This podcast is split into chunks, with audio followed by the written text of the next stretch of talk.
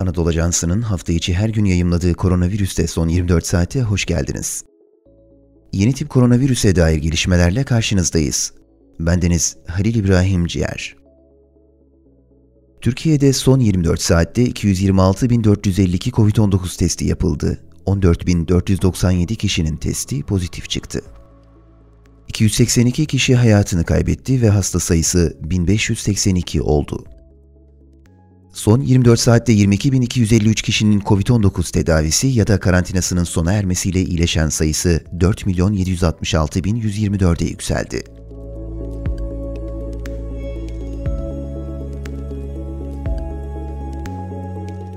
Birleşmiş Milletler yeni tip koronavirüs aşısı dağıtımındaki eşitsizliğin küresel ekonomik toparlanma için ciddi risk teşkil ettiği uyarısında bulundu. Birleşmiş Milletler Dünya Ekonomik Durumu ve Beklentiler raporuna göre dünya ekonomisinin bu yıl %5,4 büyümesi bekleniyor. Covid-19 aşısına zamanlı ve evrensel erişimin salgına daha hızlı son vermeye ve dünya ekonomisinin dirençli şekilde toparlanmasına yardımcı olacağı belirtilen raporda, aksi takdirde büyüme, kalkınma ve fırsatların kaçırılacağı ifade edildi. Sağlık Bakanlığı verilerine göre Türkiye'de bugüne kadar 25 milyon 331 bin 54 doz COVID-19 aşısı yapıldı. 14 milyon 668 bin 704 kişiye ilk doz, 10 milyon 626 bin 230 kişiye de ikinci doz aşıları uygulandı. Bugüne dek kullanımına veya acil kullanımına izin verilen COVID-19 aşıları biri hariç iki doz halinde ve aralıklı uygulanıyor. Dolayısıyla uygulanan doz sayısı aynı sayıda bireyin aşılanmasının tamamlanmış olduğu anlamına gelmiyor.